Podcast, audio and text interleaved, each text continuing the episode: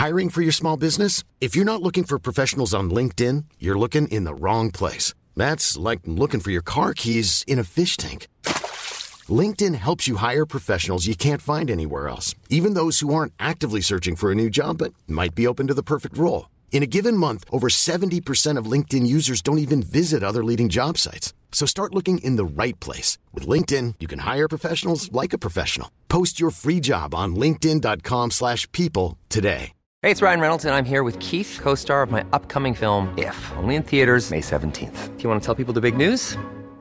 All right, I'll do it. Sign up now and you'll get unlimited for $15 a month in six months of Paramount Plus Essential Plan on us. Mintmobile.com slash switch. Upfront payment of $45 equivalent to $15 per month. Unlimited over 40 gigabytes per month. Face lower speeds. Videos at 480p. Active Mint customers by 531.24 get six months of Paramount Plus Essential Plan. Auto renews after six months. Offer ends May 31st, 2024. Separate Paramount Plus registration required. Terms and conditions apply if rated PG. Hey there, it's Michelle Norris. I'm host of a podcast called Your Mama's Kitchen. When I travel, I'm usually looking for a way to find a taste of home when I'm not at home. And one of the things I love to do when I am at home is entertain. And Airbnb allows me to do that. When I was in California recently, I rented a house that had a great kitchen. And when we were sitting around the table, we're all thinking, we're in someone else's house. Someone could be in all of our homes as well.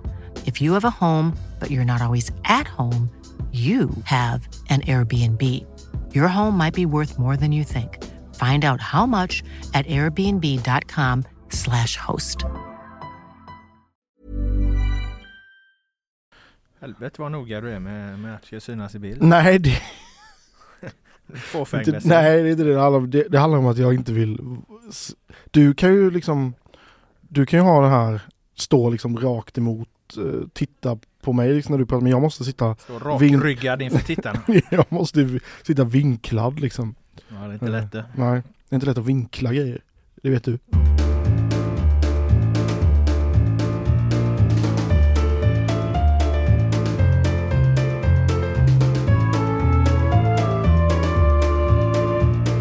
Hej välkomna till GPs fotbollspodd Laul med vänner som fokuserar på fotboll i allmänhet och fotbollen i väst i synnerhet. Ett litet manfall i studion idag. Filip Troler är ute på vägarna, närmast för att bevaka Örebro ÖIS. Men med mig i studion har jag min fotbollsvän Joel Besseling för att fokusera på om Malmö FF är på väg att döda allsvenskan redan till sommaren. IF Elfsborgs fortsatta segertåg, oavgjorda ångestmötet på Friends, Häckens uppvärmning inför cupfinalen och en hel del annat. Men först har vi en spaning, eller jag har en spaning, så jag nöjer mig egentligen med att säga eh, välkommen till dig Joel. Hur bra är läget? Och när du svarat på det, då tar jag min spaning. Tack, eh, läget är bra. Eh, ska vara ledig här resten av veckan. Eh, ska på Igen, bröllop. jag på att grejer. Nej, igen. Ska på bröllop eh, här så att jag, fasen det är riktigt eh, härligt. Ja, ska du gifta dig? Nej, det ska jag inte göra. En av mina bästa vänner ska göra det. Mm. Mm. Jag hoppas vi att eh, det blir mycket kärlek på det Mm. bröllopet. Eh, vi ska inte fördjupa oss i det, vi ska gå på min spaning direkt. Den är kanske inte jätteavancerad. Eh, den handlar som sagt om att Malmö FF eventuellt är på väg att döda årets allsvenska väldigt, väldigt tidigt. Vi pratar ju om åtta raka segrar, alltså åtta raka, detta klassiska allsvenska uttryck. Det har de nu gjort. Eh, inledningen dessutom, vilket gör det ju ännu mer eh, anmärkningsvärt och utstickande. Åtta matcher, åtta segrar, eh, 24 poäng eh, räknar jag snabbt ihop det till. Jag säger inte att det nödvändigtvis kommer vara så att allsvenskan är matematiskt avgjord innan september, men rent känslomässigt kan ju det här vara klart i juni. Eh, och sen har ju Malmö inget Europaspel då och frågan är hur skulle det påverka hypen kring eh, serien om alla går runt och känner att ja, ja, det är redan klart. Eh, Faktum är ju nu då att hoppet står till BK Häcken och Elfsborg närmast att hålla liv i den här serien. Malmö-Häcken möts ju på söndag i Malmö. Skulle MFF vinna den också, eh, då är de 9 poäng före Häcken samtidigt som Malmö då ska möta Elfsborg veckan efter den 28 maj. Och då kan ju Malmö FF studsa upp på 30 poäng och alltså leda allsvenskan med eh, Ja vad fan blir det? 9, 10, 11, 12 poäng lagom till uppehållet. Eller som du sa Joel när vi diskuterade detta inför, inför vi gick in i den här poddstudion. Malmö FF kan döda allsvenskan söndag 28 maj på Borås Arena. Ja, eh, nästan vill man ju tro det. Alltså om de slår Elfsborg där, eh, förutsatt att Elfsborg liksom vinner, eh, även om Elfsborg vinner mot Norrköping nu på måndag liksom, så, så kan det ju bli eh, Ja, ja, det blir ju typ 10 poäng och sånt där kan, skulle det kunna bli. Eh, och, Vad fan händer då? Ja, det är en bra fråga. Hur kommer det kännas då? Nej men alltså, det är klart att det är lite tråkigt eh, att de är så överlägsna. Mm. Eh, och att det inte är något lag som, alltså bara det hade varit ett tvålagsrace hade det varit mycket roligare. Mm. Men nu, alltså jag menar de har inget Europaspel heller. Eh, de andra, visst det är inte kanske, ja Häcken ska ju in i Europa så men det ska ju inte Elfsborg men ah, alltså Ja, det känns ju, för det, kommer ju, det blir ju aldrig riktigt den hypen kring en bottenstrid i Allsvenskan med tanke på att det oftast är mycket mindre klubbar. Det ska väl till då att eh, någon av AIK och Blåvitt är inblandade i en bottenstrid för att det ska bli riktigt hett i, i höst. Jag tänkte på det du sa om, eh, om tvålagsrace där. Jag minns ju eh, Allsvenskan 2010 som var en speciell serie på många sätt. Då var det ett race mellan Malmö FF och Helsingborg. Eh, det var ju ett, ett intressant race för Skåne.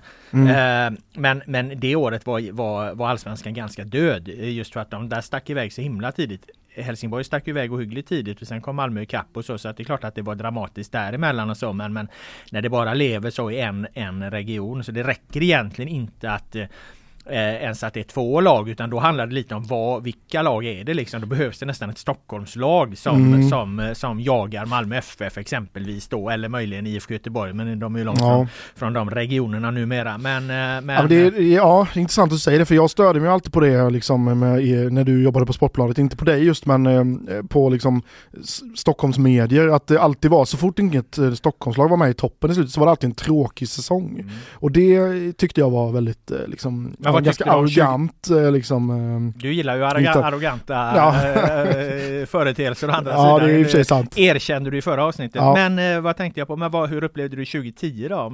Alltså den Skåneuppgörelsen där. Du ser Nej. det som en fascinerande duellen idag. Ja, alltså utan att minnas för mycket, det var ju ändå 13 år sedan, men eh, så tyckte jag att det var väldigt uppfriskande att det kunde bli en strid mellan två, eh, två Skånelag. Likadant som att det hade varit kul om det hade blivit en strid mellan eh, två Smålandslag eller två västsvenska lag eh, sådär. Inte bara Stockholmsklubbar och Malmö FF liksom. Jag är benägen att hålla med dig men jag mm. tror liksom att för det breda intresset så krävs ja. det ett Stockholmslag. Jag kan tror att den liksom analysen är riktig även om du i mm. sak har rätt. Eh, jag, jag hade ju såklart nu var man befinner sig nu tyckte det var eh, väldigt spännande om det blir ett race mellan låt säga Malmö, Häcken, Elfsborg. Då mm. har vi ju liksom två lag i vårt direkta bevakningsområde som skulle vara med i det. Och det är ju som sagt inte omöjligt. Det är ju där vi står nu liksom. Det är ju det, de här, de möts ju nu. Nu möts ju Malmö och Häcken. Nu möts Malmö och Elfsborg. Så ja. jag menar, om Häcken och Elfsborg bara gör jobbet och tvålar dit Malmö FF ordentligt ja. då, då, då, då, då snackar vi. Då, ja. då snackar vi. Då, mm. då kommer du garanterat leva över sommaren och så vidare. Men eh, samtidigt så spelar ju Malmö väldigt, eh, en väldigt fascinerande fotboll. Det har ja. blivit lite fokus på den nu i, i dagen här. Egentligen inget jättenytt så. Eh, talas om den här liksom relationismen där spelare egentligen måste behärska flera olika positioner. Vi såg ett exempel när Malmö var på besök i, i Göteborg mötte Blåvitt hur Anton Tinnerholm, högerback på pappret, är liksom uppe eh, som en innermittfältare, ja till och med en offensiv, en tia liksom och gör ett mål därifrån. Alltså att, att du måste hantera olika olika situationer. Ehm, så flyter ju Malmö liksom runt med sitt spel. De är ju absolut inte ensamma om, om att spela på det här sättet. Argentina spelar väl så i, i VM exempelvis. De, de vann där. Det, det, rötterna går väl långt tillbaka till liksom Skottland och Sydamerika och så här. Men, men eh, det är klart att det är ju någonting nytt som sker i fotbollen att framtidens fotbollsspelare kommer att behöva behärska fler positioner. Du kan inte bara vara ytterbacken, mittbacken, mittfältare eller anfallare. För jag menar anfallare räcker inte bara att göra mål. Du ska leda ett press spel och allt det här liksom. Och det är ju det, det, det, det är ett exempel på fotbollens utveckling någonstans. Ja, ja men verkligen. Eh, jag hade en spaning om det i fjol, liksom att eh, eh den här liksom, traditionella striken någonstans, eh, den är inte död men den är liksom på väg att försvinna mer och mer. Att det är mycket viktigare att kunna försvara och leda ett, eh, leda ett pressspel liksom som eh, eh, Marcus Berg var ju en, liksom en jävla giftig striker i fjol liksom. Men han har ju alltid haft det här, eller i alla fall de senaste tio åren har han haft som vi såg i VM 2018 liksom. Det där laget först och och, försvaret. Eh, I Elfsborg så är ju liksom Per Frick eh, en liksom sämre version av det. Han gör ju väldigt lite mål, eh, i alla fall senaste åren, men eh, gör ju alltid jobbet i försvaret. Så det är väl ett exempel på, eh, på det som pågår just nu. Sen när det gäller Malmö FF så har de så mycket kvalitet på alla positioner så att jag menar, de har ju poängmaskiner överallt och inhoppare och liksom wingbacks och allt möjligt liksom. Så att ja, det är imponerande. IFK Göteborg får ju en del eh, kritik för att vara liksom bakåtsträvande i sådana här sammanhang. Men även där ser man ju exempel på det här nya då som finns i fotbollen. Titta på Sebastian Olsson. Hans position är ju på pappret då i formationen. Eh, I i Blåvitts liksom 4-2-3-1 formation. Det, det är ju, han är ju högerytter står ju han som där. Men hur ofta ser du honom på, på som högerytter? Alltså det är bara någon, någon form av utgångsläge. Eh, sen dyker han mycket, mycket oftare upp i straffområdet, runt straffområdet och, och, och blir väldigt svår, svårmarkerad av den anledningen. Precis, han är som en slags falsk niare. Ja men eh, allting i slutändan handlar om att skapa övertag liksom. Uh, och då får de en extra spelare till i, i boxen liksom. Och där är han ju, har han visat sig vara riktigt bra den här säsongen också. Mm. Uh, och allra bäst just nu då gör ju Malmö FF mm. detta då som, som liksom någonstans kombinerar det här nya om vi ska kalla det då med att också vara effektiv i, i, det har ju annars varit eh, många lag som jag tycker som försöker sig på det här, exempelvis Värnamo som vi ska prata lite senare. Eh, det, det, leder inte alltid så jävla till så jävla mycket liksom. Men, men, men Malmö, Malmö kombinerar det bästa av de här två, två världarna. Mm. Dels den här rörliga och ganska underhållande fotbollen med att också vara effektiva.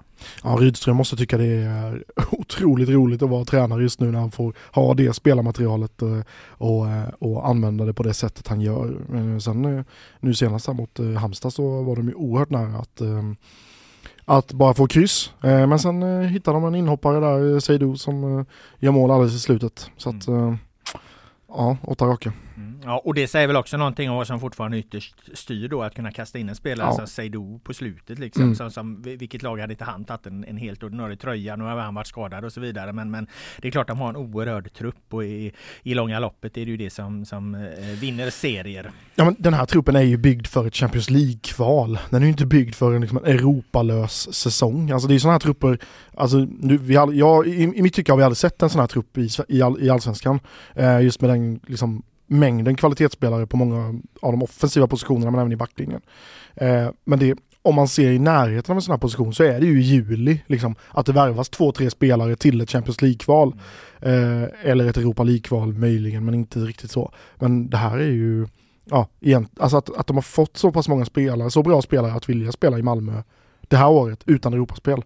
Eh, det är klart de har bra löner, men Eh, ja, ett, Sen ska de hållas på gott humör också när det är så många som ska få speltid. Där mm. ligger väl någonstans Rydströms stora mm. jobb egentligen att, att, eh, att, att eh, skapa en, ett driv framåt där folk inte känner att de är chanslösa. Och så. Jag tror han är rätt bra på det faktiskt, är min upplevelse. Det gnälls ju mycket mer i AIK till exempel på Brännström där när vissa spelare inte får, etablerade spelare inte får spela så mycket som de vill. Men det upplever jag inte riktigt från från Malmö. De har lite yngre bänk också kanske. Mm. Eh, sen kan det mycket väl vara så att de säljer en del i, i sommar. Det pratas ju extremt mycket om att, att Hugo Larsson eh, kan gå för väldigt, väldigt stora pengar och det finns väl ingenting som skulle eh, förvåna mindre än om Malmö FF får ett, ett riktigt fett bud på honom. För han är ju otroligt långt framme i sin utveckling eh, trots unga år.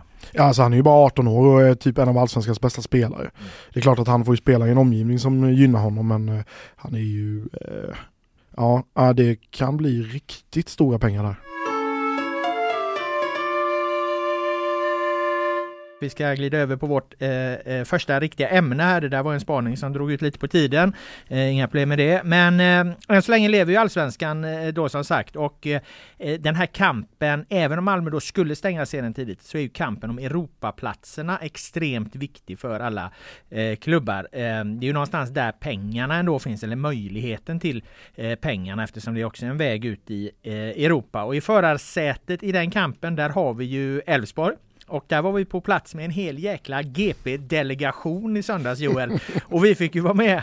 Vi fick vara med om en snudd på historisk presskonferens i alla fall. En väldigt händelserik sådan. För där efter att Elfsborg hade besegrat IFK Värnamo med 2-0 så satt Sveriges gladaste förlorare mot Sveriges tråkigaste vinnare, berättar Joel.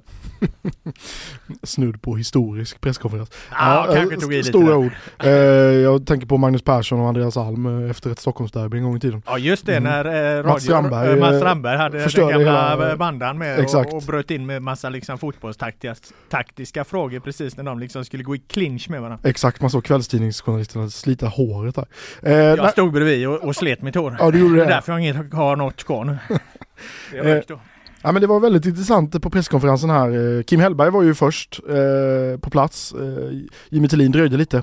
Och han satte sig på podiet, eh, tittade ut över eh, samlade medieuppbådet och fick syn på Robert Laul och så. Nej men är du här igen? Eller ses vi igen? Eller något sånt sa han. Sken som en sol gjorde Ja det gjorde han, han sken verkligen upp. Och sen hade ni en liten intern uppgörelse där höll jag på att säga, men ni, eh, ni hade ett litet eh, fint snack eh, innan Tillin dök upp. Ja, vi dividerade ju om, om, om han hade läst på regelboken eller inte, för han klagade på någon domare här för några matcher sedan när de mötte Häcken och då visade det sig att, att efter han hade liksom fått ur sig en svada där kring eh, domslutet så ha- hade han inte riktigt koll på reglerna då, så att då sa jag till honom en gång att hem och läsa reglerna, så att nu frågade jag om han hade läst reglerna och nu tyckte han att han hade läst reglerna och att han hade fått rätt i den här diskussionen då. Ja. Men, men det som var fascinerande var att han för det var han ju även sen när presskonferensen började, att han var så jävla glad. Ja, ja men verkligen. Och eh, jag kan inte låta bli att liksom jämföra de senaste liksom, Elfsborgsmatcherna jag varit på. Du har haft Christer Mattiasson som såg ut som att han ville befinna sig i en annan världsdel. Eh, när han kom in och likadant Magnus Haglund innan dess. Och då hade du eh, Haglund där, då hade ju Halmstad skåpats dit med 6-1 liksom. Han satt helt bedrövad och mållös. Och sen Sirius, då hade ju Elfsborg vänt med två mål på, i slutet eh, och vunnit med 4-3. Det här var ju någonstans en match där Kim Hellberg någonstans Han tog förlusten, liksom. Ja, han fattar ju deras plats i näringskedjan någonstans. Eh, Värnamo är ett väldigt skickligt fotbollslag, men Elfsborg på hemmaplan eh, inför liksom en väldigt liksom högljudd klack och de fick tryck i andra halvlek och han kände att ja, men, här eh, hänger vi inte riktigt med liksom, i andra.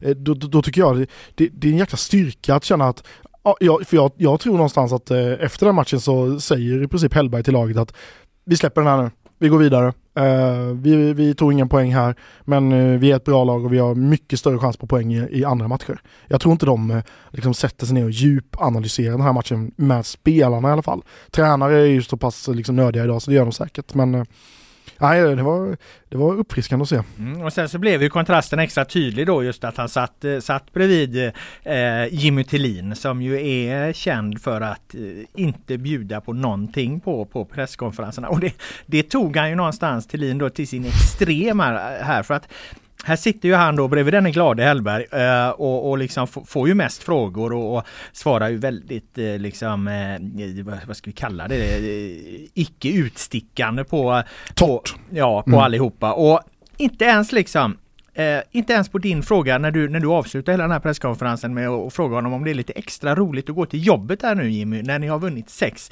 raka fotbollsmatcher.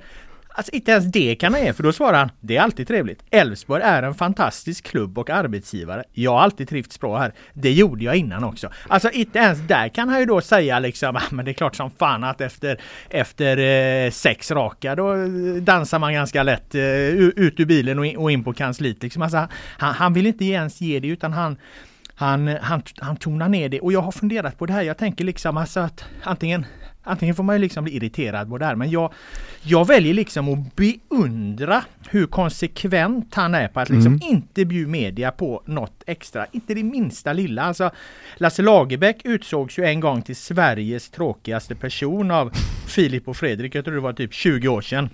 Men Lagerbäck, alltså han är, han är som pausunderhållningen på en cirkus i jämförelse med Thelin. Ställer du, ställer du Lagerbäck eh, mot Thelin så framstår Lagerbäck du vet, som den här spralliga lille narren i Ivanhoe.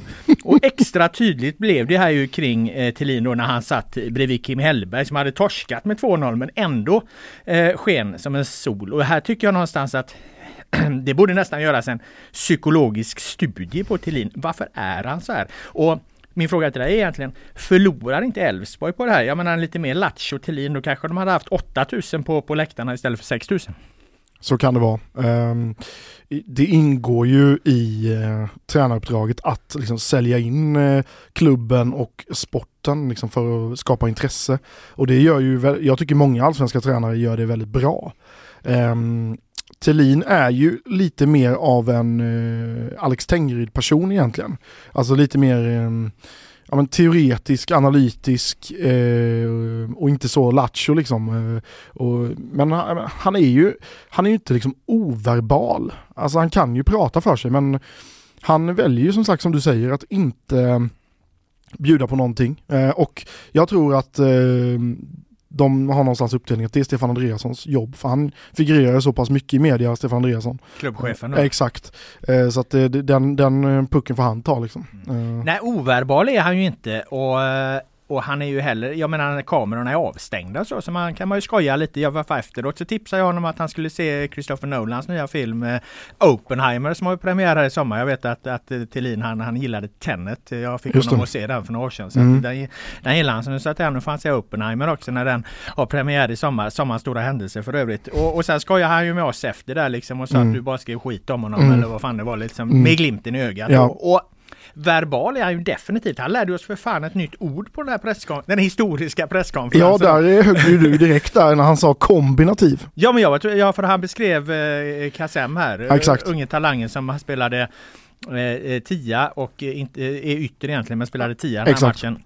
Gjorde det helt okej, okay, blandade och gav men Men eh, Tillin motiverar varför då och då var det att han tyckte att, att Kassem är väldigt kombinativ. Mm. Och det reagerade jag ju på när han sa det så jag frågade vad var han sa du? Ja han var kombinativ då, vad fan är det nu då? Ja men att han är bra på att kombinera då med att han hittar liksom kombinationer eh, med många olika typer av spelare. Alltså det är ett bra ord. Eh, jag hade aldrig hört det tidigare. Jag googlade det efteråt. Det är oklart om, om hur, hur, hur liksom etablerat det här ordet är, om Tillin har hittat på det själv eller om man, jag hittade någon liksom celldelningsanalys eller vad fan det var det dök upp. Eh, så att jag, eh, ja, jag vet inte. Det, det är ett bra ord.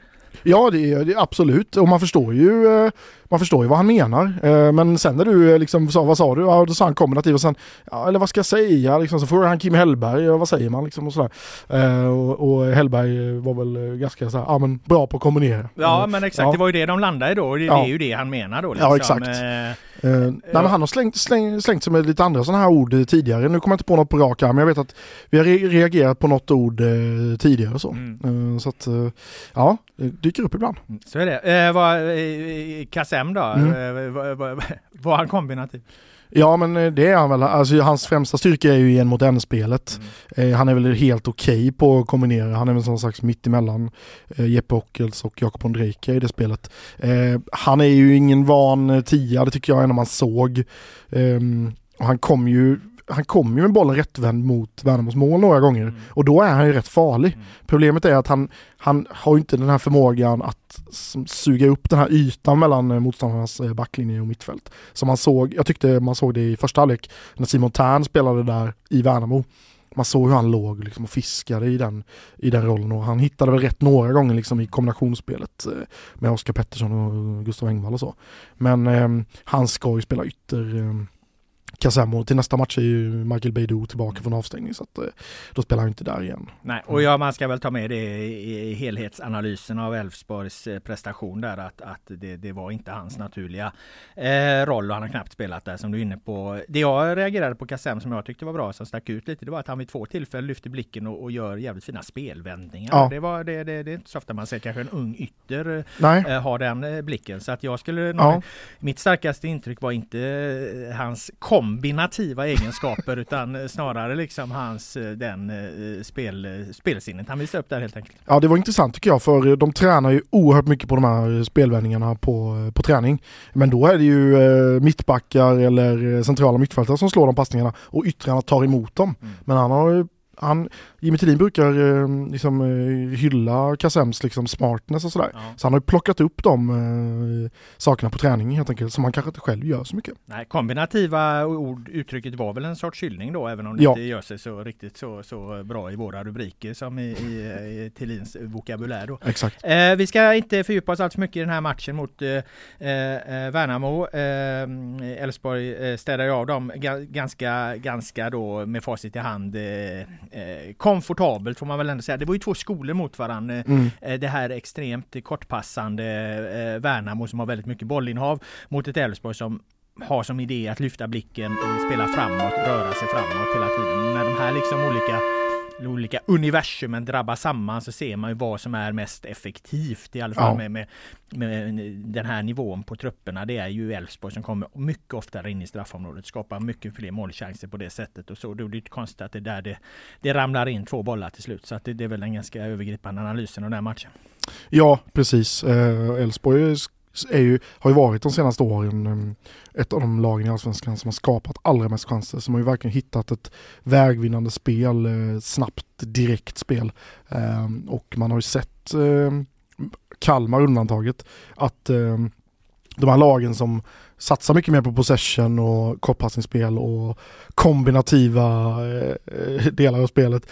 De, jag tänker framförallt på Sirius och, och Värnamo eh, har ju, ja, hamnar ju inte alltid liksom på över halvan om man säger så.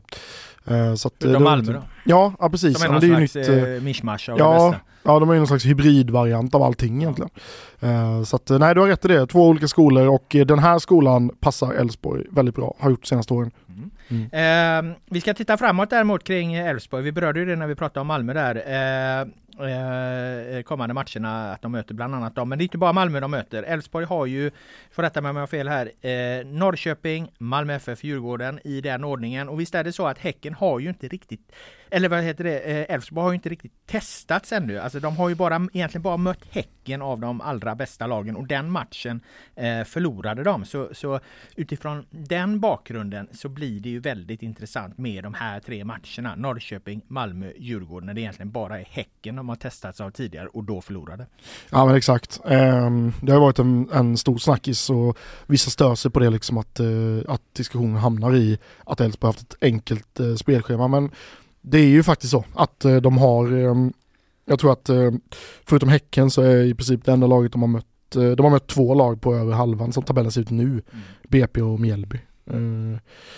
Eh, förutom Häcken då. Och eh, det är klart att nu eh, Norrköping på, på parken där, eh, den är ju den tuffaste matchen sen, sen premiären skulle jag säga, på förhand. Och sen kommer Malmö FF och Djurgården, visserligen på hemmaplan, eh, vilket ju betyder att de möter båda de två i höst borta. Men eh, väldigt intressant eh, period här nu eh, som kommer. Jag åker till Norrköping på, på måndag med eh, in, de intress- intresserade glasögonen på kan man säga. Det som jag tänker är ju att, eh, alltså att de inte får släppa in de här enkla målen i egen box. De, de har varit ganska bra på att liksom skydda sig mot det i år jämfört med i fjol där det läckte ordentligt. Men du såg mot, eh, framförallt mot Sirius där, två väldigt enkla mål de släpper in. Ehm, och, där, och även, de hade ett mot Degerfors också som var ehm, billigt. Så att mot starkare offensiva lag, där gäller det att de ser upp. Eh, och där har ju inte riktigt, tycker jag, eh, den andra mittbacken bredvid, Sebastian Holmén riktigt hittat rätt. Varken, eh, alltså ingen av de tre som har spelat. Jag håller med dig om Mm. Holmén. Du har nämnt honom några Mm. gånger som eh, en Ja. av Allsvenskans allra bästa spelare. Ja. Inte bara bästa mittback utan Nej. allra bästa spelare. Det, det är ju bara att, att instämma i det. Räckte att se, se en kvart mot eh, Värnamo så ser man att han sticker ut. Mm. Nej men eh, jag har stä- ställt mig lite grann frågan, vad gör han här i, i Sverige? Alltså Kahn är bara 31 liksom och eh, visar upp en nivå som, ehm, ja, som, har, som är bättre än de mm, många, många, många allsvenska spelare. Eh, och han, jag skulle säga att han är en av få eh, spelare utifrån som hade platsat i Malmö FF startelva. Jag tycker man kan ha det som mått någonstans på kvalitet just nu i allsvenskan. Hur många icke MFF-spelare hade platsat i MFF startelva? Det är intressant. Mm. Eh, och vi säger att Holmén hade, uh, är den från Elfsborg som hade platsat. Då Mm. hade Sebastian Olsson från IFK Göteborg platsat där. Nej. Kanske, Mm, men kanske. inte. Ska han peta Nanasi eller eh, någon av de här då framåt? Ja. Jag tror, det hade varit en, jag tror det har varit en fråga i alla fall, så pass Ja. bra är han. Ja. Eh, sen har du ett par i Häcken då. Eh, Ja. Hade Samuel Gustafsson platsat? Det hade han ju definitivt gjort. ja, Eh, hade Sadik platsat? Eh, det är frågan. eh, det tror jag. Hade Hovland platsat? Ja, det, beror ju på då, men då, då, då, räknar man inte med de man säger har, platsat. Alltså, så här, Sebastian Holmén och Hovland och eh, Nilsen och Cornelius. Nej men eh, ja, Hovland hade väl platsat. Ja. Så häcken har ju. Kanske, kanske- häcken har ju ett par. Ja, men jag skulle säga att eh, Häcken och Elfsborg är just nu kanske de två enda lagen som har spelare som, Mm. som hade platsat där. Eh, så som eh, de andra stora stjärnorna i Allsvenskan ser ut just nu så, alltså Guidetti City och Fischer och de här i AIK hade ju inte platsat. Eh, och inga i Hammarby, möjligen eh, Magnus Eriksson eller någon annan i Djurgården. Findell. Eh, sådär. Det är ett jävligt intressant förhandsjobb inför Malmö och Häcken som möts och ställa, göra den här klassiska, du vet startelva mot startelva. Ja. Vilka vinner startelvsduellen? Det blir ju liksom eh, Just det. 6-5 eller Mm. 7-4 eller 8-3 liksom. Mm. Vilka är bäst på respektive Mm. eh, position? Det är Mm. ju faktiskt ett klockrent förhand som de får sätta tänderna i. Vi lämnar Elfsborg med eh, det, eh, den lilla utvikningen och eh, från glädje till ångest. IFK Göteborg stack ju till Solna, spelade 2-2 eh, mot AIK. Kanske inte helt oväntat att en match som ingen kunde förlora skulle sluta oavgjort. Eh, efteråt blev det i alla fall en diskussion vilka detta var bra för. Ehm, det här oavgjorda resultatet och svaret på det tycker jag är ganska självklart för att de två lag eh, som ligger på ungefär samma ställe i tabellen möts och det inte skiljer liksom mil i truppkvalitet. Ehm, då är det ju bättre för bortalaget att ta en poäng än för hemmalaget att bara få en poäng. Eh, utifrån det resonemanget så tog Blåvitt en poäng, AIK tappade två. Vad tänker du? Ja, jag håller helt med. Ehm, alltså, dessutom så ledde ju faktiskt eh, AIK med 2-1 och Blåvitt gör 2-2 i en period där AIK är väldigt bra. Där det nästan luktar 3-1. ehm, skulle jag säga. Så att, eh, nej, alltså på förhand eh, så hade ju hade väl alla Blåvitt-supportrar tagit 2-2 borta mot, eh, mot AIK.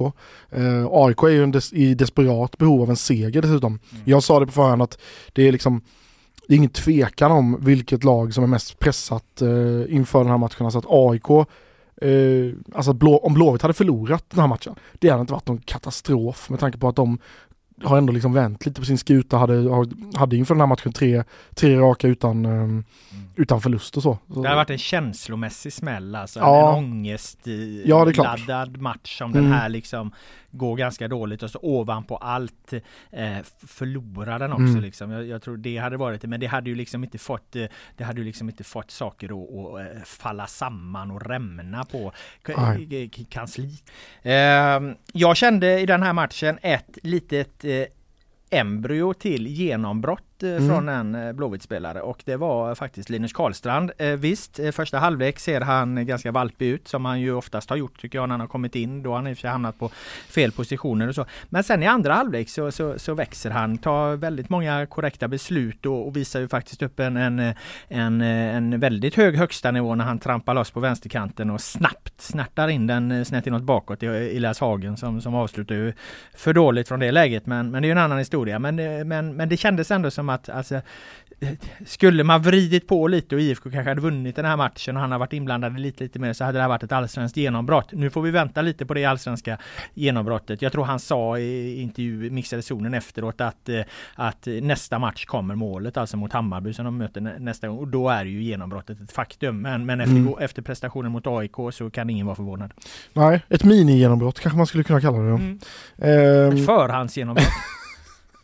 Eh, jag är imponerad av den här unge killen att han kommer tillbaka i andra halvlek efter en så pass dålig eh, första. Mm. Eh, jag vet att eh, vår eh, vän och kollega Filip Trolé skrev i sina fem punkter att han gillade att Tengryd och, och Lundin inte tog ut eh, Karlstrand i paus eh, och satsade på något annat ut- utan att de fortsatte ge honom förtroende. Det hade väl också att göra med att Marcus Berg såg ju, ja, han såg ju minst sagt icke kurant ut. Mm. Och så var ju eh, Su- Suleiman Abdullahi var ju, var ju sjuk också. Ja, Eh, det skrev jag också att när de byter så tar de ju Hagen istället och Ja. låter Karlstrand vara kvar. Det, Mm. det, det, det var ju också, eh, visade ju någonting. Ja men precis. Starkt av honom att komma tillbaka och göra en så pass eh, fin andra. Han har ju kvaliteter, det är ju inget snack om det. Han har ju varit väldigt valpig eh, eh, nu. Det uttrycket han, använder han väl själv tror jag efter matchen också. Ehm, så en spännande spelare som eh, är ju lite mer av en fighter va? Än en, eh, kanske en snidare om man säger så. Ja det är han ju, Mm. men han har en, en, en till kvalitet som han ännu inte fått visa upp. Han har en otrolig avslutskvalitet. Ja, du inne på det. Han har en fruktansvärd förmåga att när han väl kommer, kommer till bollen så kommer han rätt i den. Jag vet inte om du tänkte på den chansen han får i eh, första halvlek. Mm. Han blir lite för stressad. Det är ju AIK som spelar fel i, i typ eget straffområde. Liksom målvakten som slår bort en, en boll. Sebastian Olsson hittar snabbt in till Karlstrand. Han, han avslutar väldigt snabbt. Eh, det är klart att han kan ta ett tillslag till och, och, och förmodligen dra in den i bortre. Mm. Eh, det det, det lugnet kommer han ju få en gång i tiden. Men även på det sättet han avslutar där, Mm. direkt jättesnabbt, så är ju bollen ohyggligt nära att gå i mål. Alltså, Ja. den håller ju på, han håller ju på att trycka in den vid första stolpen. Ja. Ett otroligt avslut ändå. Ja, ja men verkligen, verkligen. Och där, du var inne på det redan i januari, liksom hans eh, av, avslutskvaliteter. Den kommer Och den- visa sig, jag lovar. Ja, alltså ser man det så pass tidigt, både i en karriär och under en försäsong, Mm. då kommer det ju lossna till slut. Eh, om det blir i IFK Göteborg eller något annat eh, allsvenskt lag, det vet man ju aldrig. Men ehm, ja, de eh, skulle verkligen behöva en eh, ny, ung, fin striker här när Marcus Berg håller på att lägga av i princip. Mm, och det tror jag att de eh, kommer att få. I den här podden så eh, brukar vi inte klaga på eh, underlag så länge underlaget är gräs eftersom vi, vi tycker om gräs. Mm. Eh, men i den här matchen gör vi ett undantag. Inga regler utan undantag. Eh, för det som eh, pågick på Friends där det var väl egentligen inte riktigt värdigt eh, allsvenskan. För jag menar det ställs ju tusentals krav eh, på, på olika saker som ska fungera. Allt från typ eh, ja, men, eh, pressfika till säkerhet och bla bla bla liksom.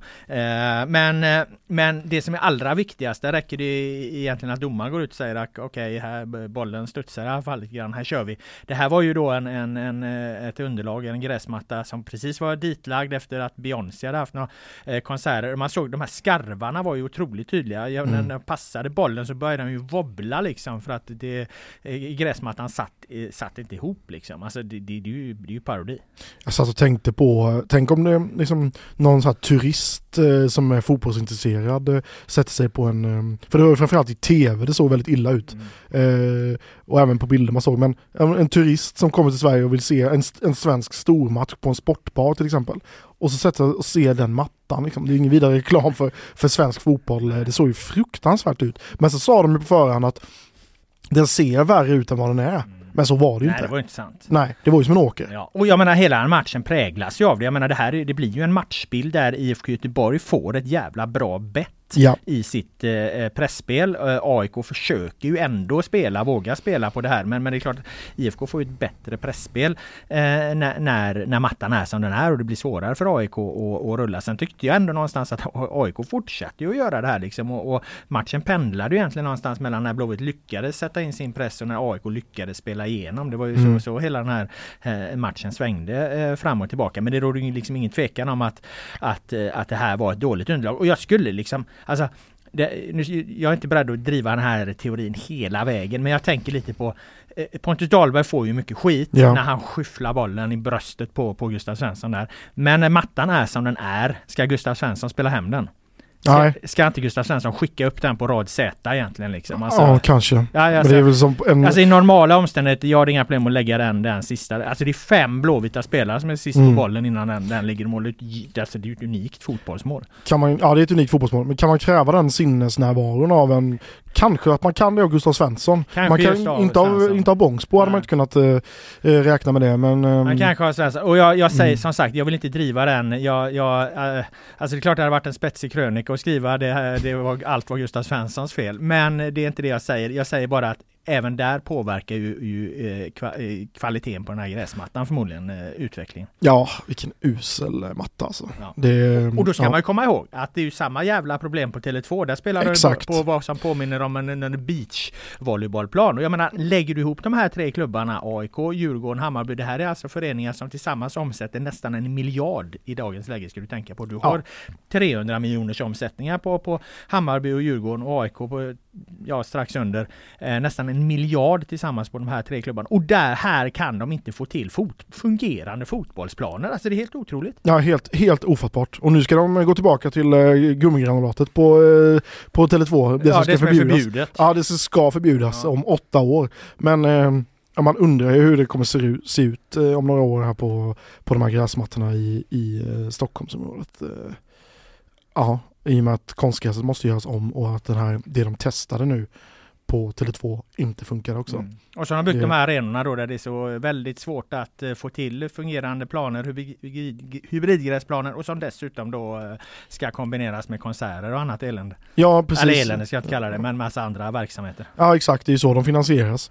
Ja. Eh, så att eh, Ja, här har vi någonstans eh, återigen eh, vår liksom, föreningsidrott gör sig påmind återigen trots att eh, vi har 300 miljoners omsättningar så är det någonstans, det är kommunala arenor och det är mm, avtal som skrivs eh, och det är multi-event på de här. eh, Så ja, det, Ja, men jag tycker att de här klubbarna de får ju bara lösa det här med sina egna pengar utan att snåla med pengarna. Alltså, Mm. se, se, se till att skaffa era arenor som det går att spela fotboll på. Mm. Alltså, det, ni, ni, ni, ni drar in en, en satans massa stålar. mm. Eh, ni kan inte hålla på och lägga det på dyra nyförvärv och, och åka snålskjuts på kvalitet utan de, de får någonstans fixa det här. Alltså. Det, det, det tycker jag man borde det borde kunna regleras på något sätt. Mm.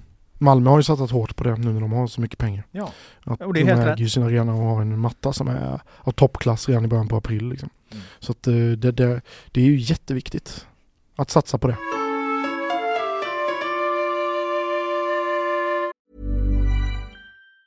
Hey, it's Ryan Reynolds, and I'm here with Keith, co star of my upcoming film, If, only in theaters, May 17th. Do you want to tell people the big news? All right, I'll do it. Sign up now and you'll get unlimited for $15 a month in six months of Paramount Plus Essential Plan on us. Mintmobile.com slash switch. Upfront payment of $45 equivalent to $15 per month. Unlimited over 40 gigabytes per month. Face lower speeds. Videos at 480p. Active Mint customers by 531.24 get six months of Paramount Plus Essential Plan. Auto renews after six months. Offer ends May 31st, 2024. Separate Paramount Plus registration required. Terms and conditions apply if rated PG. Hiring for your small business? If you're not looking for professionals on LinkedIn, you're looking in the wrong place. That's like looking for your car keys in a fish tank. LinkedIn helps you hire professionals you can't find anywhere else, even those who aren't actively searching for a new job but might be open to the perfect role. In a given month, over 70% of LinkedIn users don't even visit other leading job sites. So start looking in the right place. With LinkedIn, you can hire professionals like a professional. Post your free job on linkedin.com/people slash people today. Hey there, it's Michelle Norris. I'm host of a podcast called Your Mama's Kitchen. When I travel, I'm usually looking for a way to find a taste of home when I'm not at home. And one of the things I love to do when I am at home is entertain. And Airbnb allows me to do that. When I was in California recently, I rented a house that had a great kitchen. And when we were sitting around the table, we're all thinking, we're in someone else's house. Someone could be in all of our homes as well. If you have a home, but you're not always at home, you have an Airbnb. Your home might be worth more than you think. Find out how much at airbnb.com/slash host. Det är ju cupfinalvecka den här veckan. Eh, finallagen har värmt upp. Mjällby med att besegra Sirius med 3-0. Eh, BK Häcken besegrade Degerfors med 6-1. Detta Degerfors då som ju på två Göteborgsresor nu har eh, släppt in 12 mål. Eh, tränaren Tobias Solberg och kompani kommer förmodligen inte tillbringa sin sommarledighet i den här stan. Nej, nej, av någon... Eh, eh ja, de har ju inte haft det lätt kan man säga eh, här i, eh, här i Göteborg i år. Eh, tufft nu på hissingen också. Jag frågade faktiskt Solberg det på presskonferensen där, för han har släppt in 12 här. Vad, gillar han inte Göteborg eller? Nej, det är inte våran favoritresa. Det är bara att konstatera, sa han då. Han tyckte dock att den här prestationen mot, mot Häcken var, var, var bättre än de, den de hade eh, gjort mot eh, IFK Göteborg. Så han valde i alla, alla fall att se att liksom utvecklingskurvan var i rätt riktning, även om antalet mål, insläppta mål var lika många.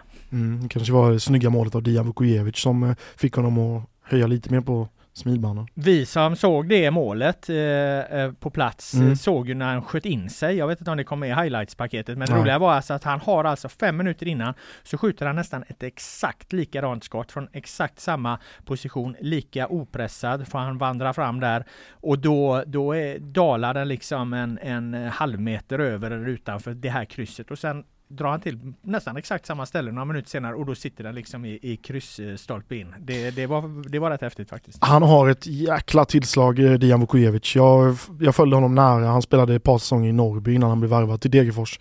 När jag jobbade, ja, som jag gör nu, i Borås. Eh, följde Norrby nära. Eh, och man ser liksom att han är ju sugen på att skjuta mycket och han har liksom en, den wobblar ju bollen liksom på ett sätt som få i Allsvenskan kan få till. Så när han kommer i rätt läge, då smäller det. Såg vi på bredvid. Eh, I Häcken var ju Ibrahim Sadik tillbaka och det var intressant att se hur Häcken förändras med Sadik. Eh, vi har ju pratat och jag har skrivit en hel del om att eh, lagen har börjat lära sig hur man ska spela mot, eh, mot Häcken. Man stör dem ganska eh, högt upp. Man sätter en, en, en en eh, punktmarkering i princip på Samuel Gustafsson så att, eh, att Häcken inte kan spela upp eh, den vägen och så stör man deras ytterbackar och då, då, då har Häcken i vissa matcher fått en hel del problem. Nu med Sadik tillbaka då öppnar sig helt plötsligt ett annat alternativ och det är att när bollen går ut på någon av Häckens ytterback till exempel höger högerback Valger Fridriksson då kan ju han han kan ju bara sätta en lång boll bakom motståndarnas backlinje för då har de ju gått ganska högt upp och så hugger, hugger Sadik där. Så helt plötsligt har de neutraliserat det. Eller så spelar de in på Samuel Gustafsson. Gustafsson har en gubbe i ryggen men han slår på blindo på ett tillslag bara bakom backlinjen och så kommer Sadik löpande där. Så att nu har de liksom från att ha fått lite problem, motståndarna har lärt sig Eh, och eh, när Sadik har varit borta framförallt, ja nu är Sadik tillbaka och då, då går det inte att spela så mot dem längre. Så det, det, det var liksom en ganska intressant eh, sätt att se hur de då hanterar det här och då fick de inte lika stora problem. Det där har ju garanterat eh, Henrik Rydström noterat också inför deras match på, mm. på söndag här. Det blir väldigt spännande att se hur han eh, tolkar eh, den grejen. ja, det, det, det ska, ska, ska, de gå högt eller ska de gå, gå mm. och det sa ju Högmo på presskonferensen också, alltså går de nu högt och, och riskar lite här motståndarna, ja då vet vi att då kan vi sätta den bakom på, på, på, på Sadik. Så att ja, nej men precis så är det ju. Där får ju, där får ju Rydström göra ett val. Rydströms val kanske är att, att vi ska liksom äga och dominera ja. den här matchen och bryta ner Häcken på vår hemmaplan liksom. Ja, han, då tror du han sätter få... Christiansen på Samuel Gustafsson? Det gör han inte va? Nej, jag vet inte fan alltså. Nej. nej, det är ju intressant mm. uh, hur, hur, de gör det. Men jag tror de Malmö kanske mer tänker på på uh, sitt, eget, sitt, sitt eget spel någonstans. Liksom mm. och så. Men eh, det de Malmö däremot då kommer få se upp med det är ju Häckens extremt snabba omställningar. Ja. Det är ju ingen matchbild som kommer passa Häcken dåligt att, att kunna ställa om på ett Malmö som flyttar upp väldigt mycket. Ja det är fortfarande en av de snabbaste omställningarna jag har sett tror jag när eh, Benny Traoré gjorde mål på Borås Arena i premiären om du minns. Eh, när Elfsborg, det tog ju typ åtta sekunder från att eh, Johan Larsson slog en hörna tills bollen låg i Elfsborgs mål. Liksom. Ja, de har ett par sådana, jag tror jag har mm. klockat mm. ett par tre sådana mål ja. i, i, i Häcken där det, där det är precis som du säger, det är tio sekunder från, mm. från ena straffområdet till, till bollen i ett i andra. Mm. Ja precis. Ehm, ja annars ser det ju ut, ut, i övrigt ser det ut precis som det alltid gör på Bravida nu för tiden. Det är liksom lördagsmatch klockan tre eller halv sex och så kollar man in och så ser man att yttrarna gör poäng liksom och det, de kommer loss i de här assistzonerna i kanten av straffområdet hela tiden. Mm. Ehm, det ser likadant ut eh, varje hemmamatch. Det finns bara ett undantag och det är den här torsken de hade mot Kalmar FF. Mm. Eh, nu är det ju då framförallt en cupfinal som väntar för, för Häcken innan då den här Malmö-matchen som vi berörde och eh, det, det är lite intressant. Häcken har, har ju vunnit tre titlar i sin klubbhistoria. De har vunnit kuppen två gånger och de har vunnit eh, allsvenskan en gång. De kan alltså ta sin eh, fjärde eh, titel och en spelare har varit med i så fall alla fyra gånger. Målvakten Peter Abrahamsson, han som jag vill skicka ur laget och ersätta med en ny. Ja, du vill ju mygga av eh, eh Abrahamsson. Den hade du inte med dig i åtanke när du eh, hade ja, den, den spaningen. Den, den missade jag. Mm, uh... Nej, men det var ju heller inte nu jag ville ha veckan, utan det var ju till lagom då till ett Europakval, att man behöver kliva upp där. Och nu har de ju fått transferfönstret på sin sida väl, eller det ska tas beslut. Ja, det är inte helt klart än tror jag inte, men, men de det är väldigt få, nära. De kommer få värva och så, det, det var ja. ju det mitt, mitt resonemang där byggde på. Men det mm. blir väl ett bra tillfälle tillfälle för Abrahamsson att liksom trycka upp eh, eh, fjärde titeln eh, för honom och, och, historiskt då som att ha varit med på, på klubbens alla fyra titlar. Ja, vi får se hur det går. Um, ja, du är inte säker på, på, på, på att ja, blir en promenadseger för Häcken? Det jag tar med mig in i den matchen är dels när jag var på Strandvallen för några veckor sedan och såg Mjällby på hemmaplan rätt tunga och starka och väldigt bra på fasta situationer. Eh, kan skapa ett tryck där på Strandvallen, inte, kanske inte jättestort publiktryck men ett tryck mot motståndarens straffområde. Eh, återigen, det öppnar upp för eh, hissingska eh, omställningar. Eh, och sen då att de slår Sirius här, visserligen Sirius som Sirius kan ju faktiskt vara allsvenskans sämsta lag eh, nästan. De har ju fortfarande inte vunnit. Eh, och de hade ju planenligt problem då på Strandvallen. Så det är väl det jag tar med mig in i den eh, matchen. Det är absolut ingen klar. Eh, hade jag spelat på Bravida hade jag sagt eh, 95-5 till Häckens fördel. Men nu ska jag nog säga att det är 70-30 kanske. Men eh, eh, alltså nu har ju Samuel Gustafsson hypat upp det här med pissarena och allt Mm. det där liksom. Men, eh, men alltså gräsmattan på eh, Ja. brukar ju vara fantastisk. eller? Den är jättebra. Ja. Eh, Det var den i alla fall i slutet på april. Ja. Så det finns ju inget som tyder på att den inte är det nu. Nej, nu Ja, men är det är slutet av maj så Ja, att, exakt. eh, den Ja. borde, eller ja nästan. Ja. Men den borde ju vara, vara, vara ännu bättre då såklart. Ja, ja, ja precis. Till och med Jakob Ondrejka sa att mattan var bra eh, efter eh, Elfsborgs match där. Han brukar inte vara sen och Nej, Eh, en man som precis som du är född och uppvuxen på, på Borås Arenas konstgräs. Jakob Ondrejka är uppvuxen i Landskronas naturgräs och jag är uppvuxen i hybridgrässtaden, hybridgrässtaden Växjö. Ja, ja. Så får vi det till protokollet en gång till. Var, var, var en eh, spaning som missade målet där. Mm. Eh, nej men det, det blir såklart en, en, en intressant eh, eh, cupfinal på alla, alla sätt och vis. Mm. Eh, Särskilt faktiskt får man väl ändå säga då om, om liksom eh, Mj- Mjällby skulle ta det här och, och då, Ja. då ska ju Mjällby ut och härja i Europa. Ja det vore ju någonting. Då Ja. spelar de ju väl på, jag vet inte vilken arena de får spela på då. Nej. Absolut inte pissarenan i alla fall. Nej men då tar de Mm. väl traktorn till, till vad det nu blir, de blir lottade någonstans som de brukar skoja om. Ja precis. Nej men eh, det blir väl i Malmö då tänker jag. Ja men Ja. jag tänkte på bortamatchen Jaha, också. ja just det. Ja precis, exakt. Kan bli något eh, roligt äventyr där för eh, Listerlandsgänget. Men hemmamatcherna lär de ju få spela i Malmö. Ja, och Mm. skulle de inte vinna då, det har vi pratat om tidigare, då är det väl då om jag räknar rätt Kalmar FF som, som eh, om Häcken nu då vinner liksom eftersom Häcken Ja. är ju redan kvalificerade så Ja. då blir det fyran då så att då Ja, är det precis. Kalmar som får spela Europa till hösten. här. Ja, och de har fått godkänt att spela på Guldfågeln om de tar sig dit. Eh, bra, eh, om vi inte har något mer om eh, cupfinalen eller inför cupfinalen så ska vi ta oss an dagens sista punkt här och det är ju våran traditionsenliga Svennis-skala. Vad har varit bra? Eh, mycket bra och eh, mycket, mycket bra och eh, under tiden jag gjorde den lilla presentationen så har du fått fram din telefon eh, där du i, i vanlig god ordning har eh, dokumenterat. Eh, Och det har ju du ska också, säga. fast på ett papper. Eh, så att jag låter väl dig börja helt enkelt eh, Joel. Vad har varit eh, eh, bra, mycket bra och mycket, mycket bra? Ja, tack. Ehm, bra. Ehm, det var så att um, Degerfors, eh, apropå, jag tänkte säga det innan men jag tar det nu istället. Apropå att du sa att, liksom, att det har blivit, Göteborg har blivit någon slags mardrömsstad för Degerfors. Så såg de ju faktiskt över i Borås inför den här matchen på Hisingen. Eh, när jag kom ut från eh, vår redaktion i Borås så gick jag rakt in i Dijan där på, ehm, på gatan. Eh, och sen när jag kom till ehm, till Borås Arena. Då satt eh, sportchef Patrik Werner där med sin grabb eh, och skulle kolla in Elfsborgs träning och snacka lite med Stefan Andreasson och så. Och då sa jag det till Werner att eh, det blir tufft eh, på Bravida idag. Då. Och sa han, ja, vi får hoppas på ett mirakel. Så. det, är ändå, det gillade jag ändå. Och åker dit med inställningen att det som krävs är ett mirakel. Ja precis, ja, det är lite glimten i ögat där eh, av eh, sportchef Werner. Det tyckte jag var, det tyckte jag var bra. Eh, kul att han kan bjuda på det. Eh, mycket bra är en liten eh, motpol till eh, det vi pratade om Malmö FF innan, att de är så överlägsna.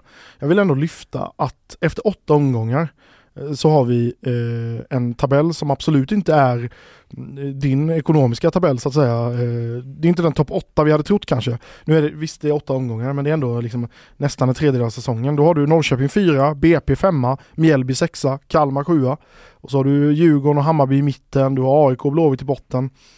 Så förutom att det är lite tråkigt att Malmö är så överlägsna så, så är det ändå mycket bra att eh, vi inte får den här, eller vi än så länge har den här solklara topp 8 och botten 8 Mm. tabellen. Eh, det är intressant, eh, jag nämnde det i en krönika i veckan nämligen att 2010 var sista året då allsvenskan egentligen Mm. eh, slutade, kunde sluta lite hur som helst. Då hade du ju Malmö 1, Helsingborg eh, 2, sen har du väl typ- Trelleborg va? Ja, du har Örebro Ja, trea, du har, men du har liksom Örebro, Mjällby, Trelleborg, Ja. Elfsborg då Ja. bland, bland de här topp 6. Just Jag skrev ju det att den, den topp 6 eh, ser vi aldrig igen för därefter har liksom pengarna och segmenten, Mm. pengarna har blivit större, segmenten tydligare och tyvärr så tror jag ju att det är det som kommer hända igen. För vad, vad, vad har vi framför oss nu? Jo, nu har vi ett, ett, ett sommarfönster här. Vad gör de starka ekonomierna då? Jo, de värvar. Mm. Djurgården kommer värva, AIK kommer värva, Blåvitt kommer säkert värva. Mm. Eh, och sen kommer den där tabellen inte vara lika rolig till hösten igen eftersom de har så mycket pengar nu så att när de ser att okej det går åt helvete liksom då kan de skaka fram 5, 10, kanske ännu mer, fler miljoner eh, för, för, för att eh, värva in vad de behöver. Ju, ge Djurgården en, en riktigt spetsig striker så är det klart som fan att de kommer lyfta rätt många placeringar. Mm. Eh, och så vidare och så vidare. Så att eh, jag håller med dig, det är jättekul att det ser ut så nu. Eh, jag, eh, jag vågar satsa på, återigen, min kära gubbkeps att, att så där kommer tabellen inte se ut när vi efter 30 omgångar. Nej det var ju en våghalsig gissning att tabellen inte kommer se ut som den gör nu efter 30 omgångar. Nej men jag säger bara det att det, det, det, det, det, där, det går inte längre Nej, just för att nej. pengarna har blivit så, Ja precis. så, så stora så, och de kan använda det här sommarfönstret då. Mm. Vilket man inte kunde förr. Eller ja, kunde kunde man men det, de hade inte så mycket mer pengar än de andra Nej. då så det blir inte lika utslagsgivande. Nej så länge de lägger pengarna på spelarna istället för på planer Ja, så kommer det bli så. sen kan man Mm. tycka att de borde lägga dem då på planerna Ja. som varit inne här. Men, eh, ja. Precis. Vill bara föra in där också att du sa att eh, tabellen, du gillar också hur tabellen ser ut. Samtidigt som du säger att 2010 var väldigt, ett väldigt tråkigt år sa du i början av Ja det var ju Den här den här topp- toppstriden Ja, då. Men ja, det var exakt. ju liksom en fascinerande tabell Mm, mm. På, på väldigt många sätt. Men Mm. absolut, det var ju under alla mina år på Sportbladet så var det ju det allsvenska år då vi fick minst utrymme till att skriva om allsvenskan. Just Just, för att tabellen såg, Mm. såg ut som den gjorde. Sen är den charmig att betrakta i, i, Mm. i, i backspegeln. Men man ska veta att, att eh, när tabellen ser ut så, då kommer chefen och knackar dig på axeln och så får Ja. du skriva om hockey istället. Åh fy fasen. Ja, det låter ju traumatiskt. Ja. Ehm, mycket, mycket bra. Ehm, jag vill ändå lyfta Brommapojkarna. Alltså de ligger femma i Allsvenskan efter åtta omgångar. Vi hade ju dem, alltså alla hade dem tok sist inför den här säsongen. Mm. Jag minns att jag gick fram till han Andreas Egelmark, deras tränare på upptaktsträffen och sa liksom Fasen vad ni är nederlagstippade. Hur känns det egentligen? Och han tyckte det var skithärligt och han struntade i det och allt möjligt och sådär. Det har de ju visat. Mm. Nu slog de, eh, dammade dit eh, Kalmar FF på bortaplan. Det är ingen lätt eh, uppgift. Eh, så att de är femma. Ehm, Trots att Olof Mellberg jobbar eh, Ja. med Champions League i veckorna som eh, var det Joel Wesseling som hade synpunkter på det för några veckor sedan. Deras klubbdirektör har fått uttala sig om det också har sett. Men de hade någon deal där som uppenbarligen är framgångsrik. Ehm, så att jag är väldigt imponerad av vad de håller på med just nu. Det var din Svenneskala. Det var den. Ja, om men- inte du Nej, är nej, nöjd. men, men, jo, jag är jättenöjd. Eh, mycket bra. Jag ska ta min egen här. Eh, bra, mycket bra, mycket, mycket bra då. Bra går till eh, Ingmar Lundin, eh, Utsiktens sportchef. Jag glömde nämligen säga det förra avsnittet. Eh, men han mejlade faktiskt mig en ursäkt, ursäkt efter sitt eh, utbrott över min eh, Utsikten-krönika då om att de, att de drar på sig eh, mycket varningar, mycket spelförstörande frisparkar och så här att det är någon form av, av eh, eh, Eh, eh, medveten strategi som de har. Jag skrev en skarp krönika om, om det och då fick jag ett, ett ett äh, ännu skarpare svar om man uttrycker det försiktigt av Ingmar Lundin. Men äh, nu bad han om ursäkt. Han skrev så här. Jag ber om ursäkt för mitt mejl mot dig, men blev bara så irriterad när vi förvisso tar alldeles för många onödiga kort på plan, men sparkar ju inte ner spelare för det. Eh, men det var ju onödigt att dra in en dialog med dig för det. Jag ska dessutom inte göra eh, det på det sättet och inte i min roll! Utropstecken. Med vänliga hälsningar Ingmar Lundin. Och eh, jag accepterar den här utan några som helst protester och sa att, att vi tar varandra digitalt i hand här ungefär och, eh, och går vidare. Så att eh, ursäkten eh, är mottagen och nu också redovisad i podden. Ja, jag sågade honom ordentligt där för det mejlet och det, den sågningen står jag fast vid men jag vill också säga att det hedrar honom att han eh, ber om ursäkt. Ja, så är det. Eh, Så vi behöver inte återkomma mer till det. Eh, mycket bra. Det ger jag faktiskt då, när vi ändå är inne på Utsiktens BK, så får de mycket bra. Alltså de ligger trea i Superettan. Eh, på en allsvensk kvalplats efter sju omgångar.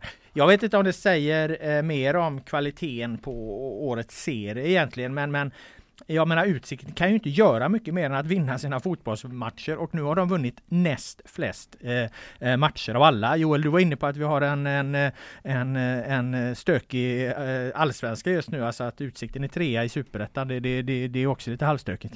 Ja. Ja det får man verkligen säga. Eh, Filip är inne på det ofta att Superettan är väldigt oförutsägbar och sådär. Men att Utsikten ska ligga i toppen eh, det förvånar ju jättemycket med tanke på att vilken otroligt liten, otroligt liten förening det är. Ja, alltså det, det, är det, det måste vara den enda, den enda föreningen eh, på, på den här nivån eh, som inte har några supportrar. Ja, Alltså de har nej. ju inga Nej, spelare. Alltså, nej. så. De har ju knappt några medlemmar. De Nej. hade ju ett jävla medlemsmöte som de utlyste totalt Årsmöte. fel. Eller vad heter det? Årsmöte som Mm. de utlystes eh, totalt felaktigt ett par Mm. dagar innan Mm. eh, det skulle vara. Det, det, det, det hölls väl i vardagsrummet hos någon Mm. av dem, typ. Mm. Jag vet inte. Men eh, alltså det är knappt en klubb liksom. Nej, nej, Eller vad fan precis. man ska säga. Nej, det... Knappt en elitklubb. Nej, exakt. Ja, fasen. Men ändå imponerande det Bosko får ihop på planen alltså. Ja. Det får man säga. Och när vi ändå är inne då på Superettan så måste jag ge mycket, mycket bra eh, till Geis. Eh, för, och jag hoppas att jag inte jinxar för mycket här nu, men det börjar ta mig fan lukta allsvenskan om Geis. Det trodde jag aldrig att jag skulle säga igen, eller ja, det gjorde jag kanske, men sen kom jag hem till den här stan. Eh, sen jag kom hem till den här stan så har Geis eh, varit ett sorgebarn nere och vänt i eh, division 1. Men nu eh, seger mot Joel Besselings kära Öster från Växjö i seriefinalen och i topp i superettan. Eh, det är gubbkeps av för det guys. Ja, de... Eh, vad är det han säger eh, Filip? Det grön, grönsvarta segertåget, eh, något sånt kallar han det. Ja, han har skrivit om det här jävla tåget kringelkrokar i småbygderna, Ja, men nu på exakt. väg upp på de riktigt stora scenerna. Ja, Det är snart på Transsibi- Transsibiriska järnvägen eh, det där tåget. Nej men de avgjorde ju på långt in på stopptid här mot, mot Öster. Ehm, och det är väl så, ja, så avgjorde topplaget i Allsvenskan och så avgjorde topplaget i Superettan. Otrolig sammanfattning av den här podden Joel. Eh, Mm. För om du inte har något mer så tackar jag dig för dina kloka inspel och synpunkter. Eh, jag tackar alla som har lyssnat. Eh, GPs fotbollspodd Loud med vänner är tillbaka nästa vecka med ett nytt avsnitt. Ha det bra så länge!